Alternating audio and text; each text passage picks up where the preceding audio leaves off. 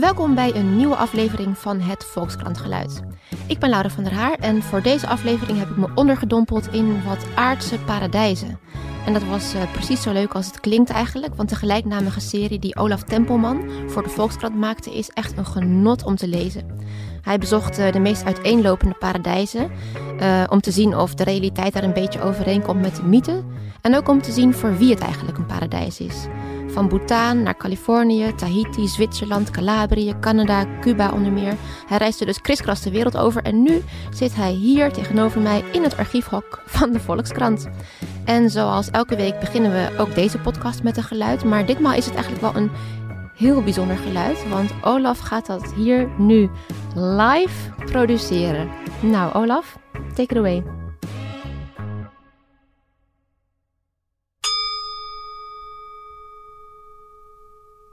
Mooi. Maar. We hebben hier. Wat is het? U luistert hier naar een klankschaal uit Bhutan.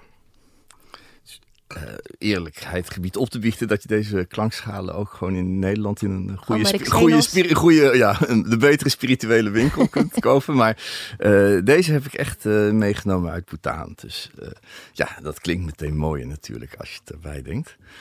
Um, en ja, dus uh, Bhutan uh, zat dus, was de tweede aflevering in die serie. Dat is het, het, spirituele paradijs of het boeddhistische paradijs. Ja, en dit staat symbool voor uh, dat paradijs daar? Of vond je het gewoon een mooi geluid om de serie mee in te leiden? Uh, beide, denk ik. Um, maar uh, ik denk dus dat um, er uh, meer klankschalen daar worden gekocht door westerse toeristen dan dat de Bhutanese ze zelf gebruiken. En dat zegt natuurlijk alweer wat over het ideaal wat op het land wordt geprojecteerd. Ja, oh, daar komen we zo nog uitgebreid over te spreken volgens mij. Maar wat mijn allereerste vraag is, jij hebt dus op een ochtend gewoon tegen de chef gezegd, luister, ik wil alle aardse paradijzen af. Nee, was het maar zo, was het maar zo simpel. Um, nee, ik was. Um, nou, laten we even de, uh, chronologisch houden. Ja. De Volkskrant, uh, ik kreeg een nieuwe hoofdredacteur in uh, 2010, die altijd een liefhebber was van mijn verhalen uit Oost-Europa. En hij wilde eigenlijk dat ik weer buitenlandreportages zou gaan doen. Um, en dan in, in de langere vorm. Dus wat dan wat wel slow journalism wordt genoemd tegenwoordig. Um, en toen zei ik, maar waar ga ik over schrijven? Want hè, mijn correspondentschap in Oost-Europa is afgelopen. En toen zei hij van, uh, maakt niet uit. Hè? Uh, Oh, weet het, bedenk maar iets. Ja. En uh, toen heb ik gedacht, van, ik, heb ben, uh, ik moest als correspondent uh, over zoveel landen schrijven die dan vaak de hel op aarde werden genoemd of vreselijke plekken werden genoemd. En toen dacht ik van, ik zou het eigenlijk eens om moeten draaien. Ik zou eens een serie moeten doen over landen die worden geïdealiseerd. Of mensen zeggen van, daar zou het paradijs kunnen liggen. Um, een achterliggende gedachte was dat ik, um, nou ja, hè, we moeten toch heel even hebben over het land waar ik correspondent was. dus uh, Roemenië, dat was altijd een, hè, een land waar mensen de vreselijkste dingen over dachten. Terwijl het in veel opzichten een heel erg aangenaam land is. Dus ik denk van, hè, um, er wordt gewoon een bepaald uh, beeld wat ze hebben, wordt op het land geprojecteerd. Het wordt gedemoniseerd. En het uh, omgekeerde gebeurt dus ook. Dat mensen een, een ideaalbeeld op een land projecteren. En was dat dan je doel om dat door te prikken? Ja of niet. Mhm. kijken als iets niet doorgeprikt kan worden, kan het niet doorgeprikt worden. Maar k- kijken in hoeverre een plek nou geromantiseerd wordt. En in, in hoeverre uh, je er nou echt, echt iets van merkt dat, dat, het, dat het leven er aangenaam of paradijselijk is. Want hoe, hoe komt zo'n paradijselijke plek eigenlijk op jouw ranglijst? Of wat zijn de voorwaarden voor paradijzen? Die kunnen heel verschillend zijn. Zeg maar, uh, een uh, aardsparadijs is hè, vaak een plek waar, waar mensen een bepaald soort verlangen op projecteren. En uh, nou ja, mensen hebben heel verschillende soorten verlangens. Maar mensen dus, van buitenaf dus? Uh, ja, het is, het, het, het, uh, dat is uh, misschien het vertrekpunt van de serie geweest. Dus ze moeten op een of andere manier door een bepaalde groep mensen geromantiseerd worden. Dus iemand moet daar een, een, een perfecte plek in herkennen. Um, en um, nou ja, voor de rest is de serie zo vrij als wat. Dus de, hè, dus een plek hebben, waar het altijd regent kan ook een paradijs zijn. kan bij wijze van spreken ook. Uh, ja, er is, Of een plek waar het eten super goor is. Uh, dat dat uh, kan bij wijze van spreken ook. En dan heb je weer het interessante. Nou ja, op Cuba bijvoorbeeld kun je niet zo lekker eten. Maar dat mensen toch, hè, uh, die het land idealiseren zeggen: Oh, het is toch lekker. Hè? Dus nou, heel beroemd verhaal over Albanië. Dat was, um, werd dus in de midden jaren zeventig geïdealiseerd als uh, paradijs. Door hè, oh een beperkte groep westerse jongeren. En daar heeft nog Rudy Kagi, um, een uh, journalistieke veteraan, die heeft daar nog een, een, boek over geschreven. Over zijn eigen Albanië-sympathieën. En dat heette De Papieren Helstaat. En um, nou ja, het eerste wat ik merkte toen hij naar Albanië ging, was dat de koffie heel vies was. Maar dat, en dat vond iedereen, maar niemand durfde het te zeggen. Hè? Dus dat is zeg maar een uh, voorbeeld van, uh, ja, je, ben, je bent uh, nu in het paradijs, dus je moet niet meer klagen. En ja, dat, tanden op elkaar. En, tanden op elkaar en probeer het paradijs te zien. en dat zie je op heel veel plekken die in de serie fungeren ook. Want overal is eigenlijk een mythe omheen. Tenminste, zo begint ja. het. Welke, welke sprak, zeg maar, voordat je begon, voordat je er geweest was, het meest tot je verbeelding? Oeh, dat is een goede vraag. Um, nou, misschien Brazilië wel. Is Bahia, omdat ik heel erg van um, Braziliaanse muziek hou. En ik heb zoveel van die bossa nova nummers waar het over Bahia gaat. Dat is die provincie. Ja, ja, ja, ba ja Bahia is zeggen, hè, waar, uh, um, het, uh, de meest uh, zwarte deelstaat van Brazilië. Uh, de hoofdstad is Salvador de Bahia. En dat wordt ook wel eigenlijk de grootste Afrikaanse stad genoemd. Hè, gewoon door de Brazilianen zelf. Um, omdat, uh, ja, maar het hoogste 80, 90 procent van de bevolking is zwart. Uh, en een heleboel, uh, zeg maar, het is ook de bakermat van de Braziliaanse muziek. En uh, nou ja, ik ben een groot liefhebber van bossa nova, dus ik had een ontzettend geïdealiseerd beeld van Bahia. Dat mag je rustig zeggen. en, Wat was dat beeld? Ja, dat, dat was toch wel, um, waar laid back en mensen vriendelijk en... Um, dus heerlijk klimaat. En uh, het, is, het is een beetje, beetje zorgeloos. Nou wist ik ook wel dat hoe heet het, leven in Brazilië ook wel andere kanten heeft. Maar um, Salvador de Bahia, wat, wat een schitterende stad is, was, was toch wel echt grimmiger dan ik had gedacht. Ja, maar dat loopt in de meeste van jouw stukken volgens mij een beetje. Dat de realiteit toch niet helemaal overeenkomt met uh, het ja. verhaal dat je voorgespiegeld ja, krijgt. Ja, dat is ook een, een continuïteit in de serie. maar het, het verschilt uh, per plek. Dus um, sommige plekken, ja, nou ja, een, een heel erg, um, ja, dat was voor mij denk ik de meest ontgoochelende aflevering, was toch Cuba. Oh ja. Waar ik toch echt, uh, ja, wel wist uh, dat, dat, er, dat er veel armoede was en, uh, en, en, lange rijen en, en ellende. Maar wat ik, zie ik dat, ja, dat, daar, daar schrok ik toch nog van. Um, ik wil nou even, dat is misschien um, uh, hoe heet het? Inter interessant om nou te vertellen hoe nou, uh, hoe je zelf uh, je eigen, um, heet het, je eigen geëxalteerde beeld van een plek, hoe dat te plekken wordt doorgeprikt. Dat was op de eerste avond in, um, in, in Salvador de Bahia. Dus ik, ik landde heel laat. Ik, ik, ik, nam de bus naar het stadscentrum en dus er kwam man naar mij toe, en waar ik eerst een beetje bang voor was, maar daarna dacht ik van ik kan hem wel vertrouwen. Hij zei van ik, uh, ik zal je beschermen, want je kunt niet nu alleen over straat hier. En uh, hij heeft mij toen naar het uh, hotel gebracht. En dat was net in het onveilige gedeelte van de stad. Dat wist ik ook niet natuurlijk. Dat je gewoon ergens naartoe gaat en je denkt van... hé, hey, uh, we zitten nu in het onveilige gedeelte van de stad. Dat, dat, weet je niet van tevoren als je een hotel boekt. En als je uit een land komt waar... Dat uh, staat ook niet in de reisgids, dat je daar dan nee, geen hotel nee, moet nee, boeken. Nee, dus werd net voor gewaarschuwd van... u boekt wel in een onveilig deel van de stad. En toen kreeg ik uh, s ochtends bij het ontbijt... dus een kaart... Um, nou had ik een platte, plattegrond, maar dit was een andere plattegrond. Zeggen we, nee, deze is geactualiseerd en er waren sommige straten grijs en andere straten zwart. En toen, uh, Gorge, hè, de eigenaar, die zei van ja, dat moet je, is heel makkelijk te lezen. Dus zwart is 24 uur per dag vermijden en grijs is na zonsondergang vermijden. En toen dacht ik van oké, okay, nou snap ik het. We hebben gisteravond uh, door een, uh, ben ik hier met mijn begeleider door een heel groot grijs gebied gelopen. Ah. Maar dat, ja, ik, dus ik, was, ik kwam er zeg maar onbevangen uh, binnen, maar ik was uh, zeg maar de tweede dag uh, was ik al uh, ja, wat meer op mijn hoede. Een kleine desillusie. ja. En heb je ook wel eens dat je echt compleet gedesillusioneerd terugkomt of aankomt? Ehm, aankomen nooit. Uh, je moet er toch gewoon onbevangen in staan. Ook al weet je van tevoren wel hè, dat het niet zo is. Um, als in het eh, geromantiseerde beeld ervan. Um, je, dat, dat, moet toch het, het, vertrekpunt zijn. Je moet je toch kunnen identificeren met die mensen die die plek geïdealiseerd hebben. Um, en soms gaat dat uh, best lang goed. soms maar gaat nooit de hele tijd. Nooit de hele tijd. dat was het eerste wat ze zeiden toen ik met het, idee voor die serie kwam. Ja, maar Paradijs op Aarde bestaat toch niet? En toen zei ik van, uh, nee, natuurlijk bestaat het niet. Maar uh, er zijn wel plekken waar het visioen van het paradijs op wordt geprojecteerd. Dat is natuurlijk interessant. Dus je gaat het altijd ontmantelen en doorprikken. Um, maar dat verschilt dus heel erg per plek.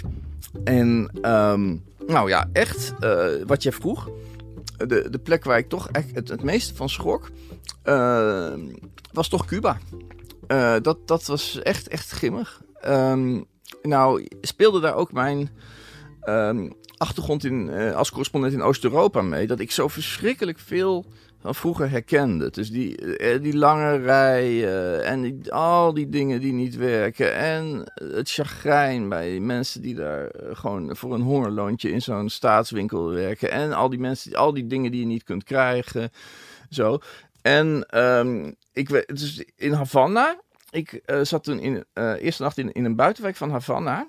En um, ik denk van als je hier de bananenbladeren en de palmen weghaalt, dan ben ik hier gewoon in een Roemeense of uh, Bulgaarse provinciestad. Oh Zo erg leek het erop. Is er, zijn er ook paradijzen waar die keerzijde niet is, of in ieder geval niet zo zichtbaar als wat je nu allemaal omschrijft? Nou ja, je, je, je, vroeg, je vroeg naar mijn, mijn grootste deceptie uit de serie. Uh, ja, dat, Tahiti was ook heel erg trouwens. Dat, dat, dat... het was allemaal verschrikkelijk. Nee, nee, nee, nee, zeker niet. Zeker niet. Uh, Integendeel. Um, bij. Um, nou, waar ik uh, toch eigenlijk aangenaam door verrast was. Um, nou, nu, nu bijvoorbeeld Canada. Dat was echt. ja, dat, dat, vond ik toch zeer goed. En het is echt. Uh, on, ik ben daar de hele wereld uh, tegengekomen. Dus uh, ja, dat je toch een, plek, een plek ziet waar. je hebt echt die grote steden in het westen van Canada. De helft van de mensen is er niet geboren. Dat, dat vond ik toch heel erg fascinerend om te zien. Een, een hele prettige reis. Zo'n land waar ik een heel warm plekje in mijn hart voor bewaar. Argentinië. Um, omdat. Um, ja, het, het, ontzettend, Buenos Aires ontzettend een mooie stad. Maar ik vind die Argentijnen ook wel echte levenskunstenaars. Dat je ook gewoon hè, leert omgaan uh, met uh, verval en tegenslag. Dus dat je zeg maar de kunst van het omgaan met verval en, en, en, en met tegenslag. Um, ja, dat vond dat. dat dat is toch zeg maar Joie de Vries. Dus ik heb daar niemand kwaad gezien of uh, toeteren. Of, het was toch ja, een.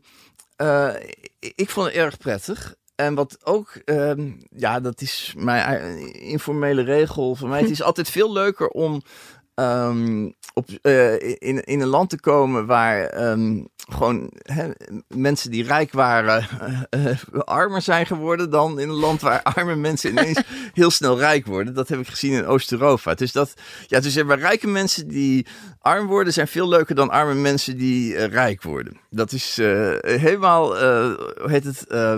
Oh, wat raar. Er is dan geen zuurigheid of spijt? Nee, omdat het denk ik heel, heel langzaam is gegaan. Kijk, Argentinië, dat was um, ehm, 100 jaar geleden een van de rijkste landen ter wereld. En toen uh, trok het echt massa's uh, emigranten. En nou ja, allemaal met de droom hè, van... Het, uh, Argentinië was toen, maar had de status van Canada en Australië. Um, en dat wist ik um, via mijn grootmoeder. Die was van 1907. En als die dan over Argentinië sprak is in, in de jaren zeventig, dan was dat zo anders dan dat beeld um, wat wij hadden, mijn generatie had van, van Argentinië. Dat was militaire dictatuur. Ja, want die paradijzen veranderen eigenlijk ook. Ja, Ja, absoluut. per generatie. Die per paradijs, ja, ja, elk paradijs, ja, heel goede eh, opmerking. Dus elke, eh, eh, elke generatie heeft inderdaad wel zijn, Ja. zijn, zijn eigen paradijs. Dat Ja. kun je, ja. En ben je hier ook anders door naar Nederland gaan kijken eigenlijk? Nou ja, ben ik anders door naar Nederland eh, gaan kijken? Nee, niet zo door die Paradijzen-serie. Meer eh, door mijn correspondentschap in, in, in Oost-Europa. Dat Hm. ja, ik, Nederland heel, heel bevoorrecht eh, Ja. land is. Ja. in, dat, dat, ehm, zoiets, ja, en, en kijk, En dan wat je net zei, bijvoorbeeld die levenslust. Als je, zijn dat soort dingen, neem je dat wel mee in je manier van leven? Dus niet per se Nederland, maar gewoon je persoonlijke leven? Ja, dat zou ik wel willen, hè? als je, eh, eh, als, je, eh, als je ineens hier een, eh, snel, snel een, een, een stuk moet schrijven over je, eh, een politicus die is overleden of zo, dan eh, eh, heb, ik, heb ik niet zoveel aan het Braziliaanse levensgevoel. nou ja, Ehm, maar voor jezelf. Gewoon echt als persoon.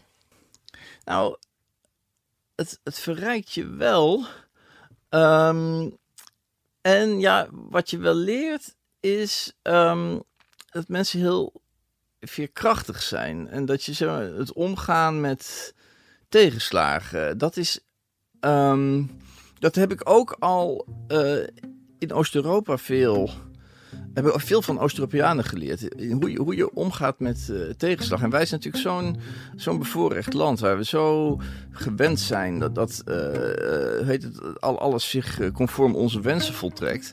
Ehm, en ja, dus wat, wat je verliest in een hele bevoorrechte, welvarende maatschappij is toch veerkracht en incasseringsvermogen en, en tolerantie. Dus dan krijgen, komen we bij het verhaal van de, de korte, korte lontjes in Nederland nu. Van ik moet dit nu. Ehm, Omdat we gewoon verwend zijn. ja, of laten we een heel eenvoudig voorbeeld nemen. Hè, ehm, nou, Nederland is toch een, land waar eh, de treinen... ken geen land waar treinen... eh, het, waar je nog beter openbaar vervoer hebt. Waar, trei- eh, waar de treinen nog ehm, stipter rijden. Misschien Japan. Japan. Ja, dus je hebt... ehm, nou ja, toch eh, heb je hier veel meer eh, chagrijn op de stations dan eh, in landen waar Hm. je één of twee treinen per dag hebt. Hè?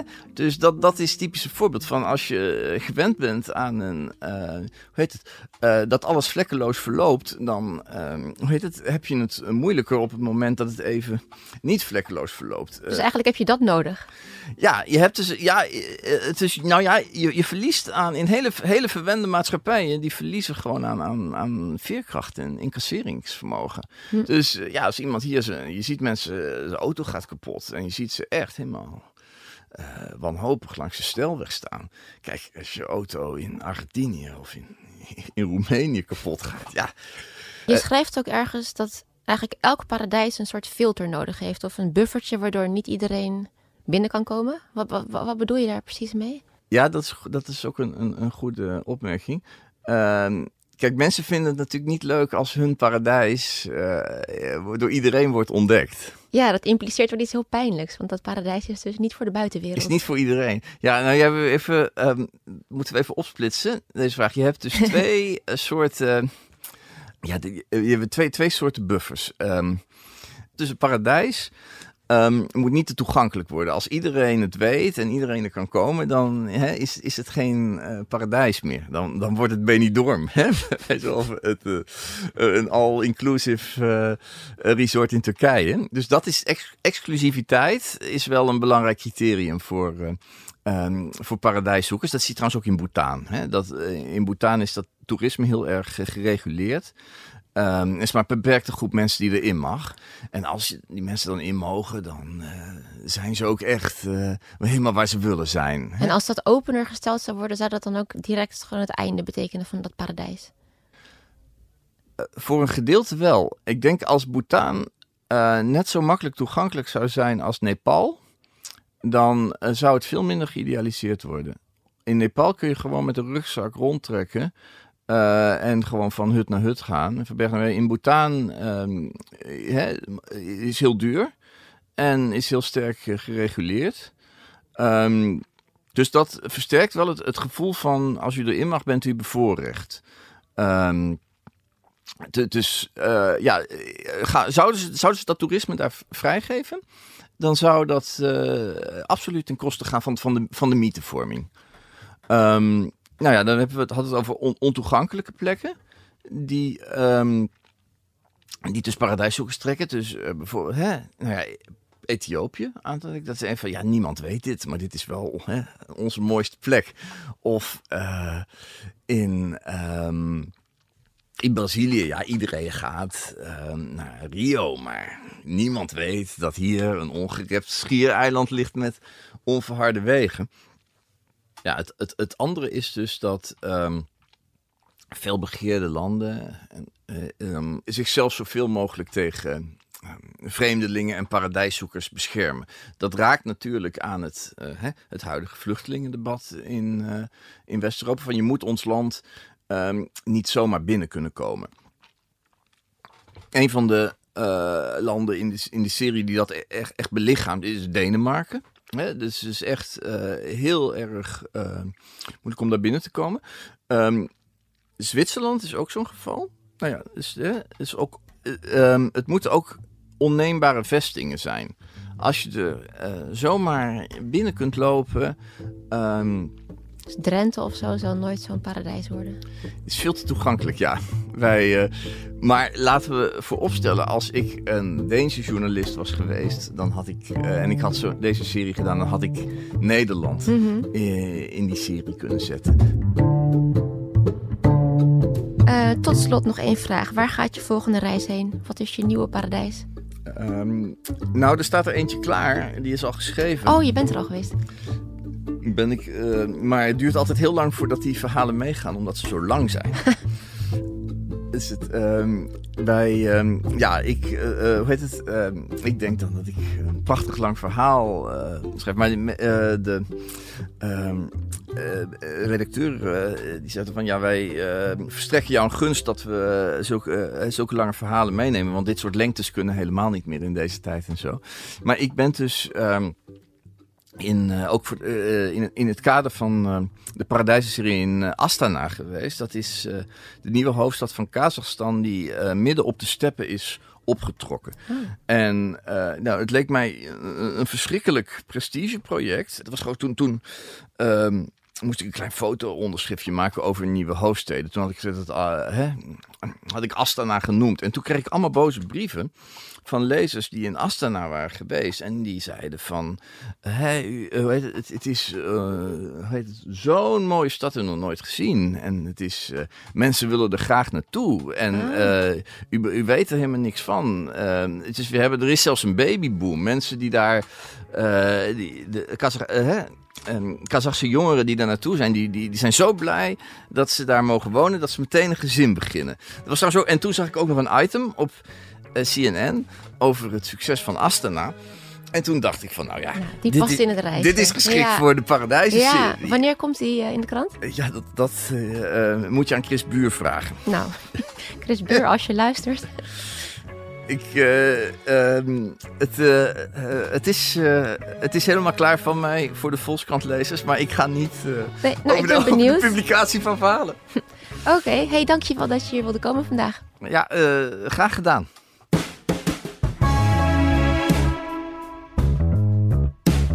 Dankjewel voor het luisteren naar het Volkskrant-geluid van deze week. Als je het leuk vindt, kun je je nog steeds abonneren bij Soundcloud en ook bij iTunes. Tot volgende week, dan zijn we er weer.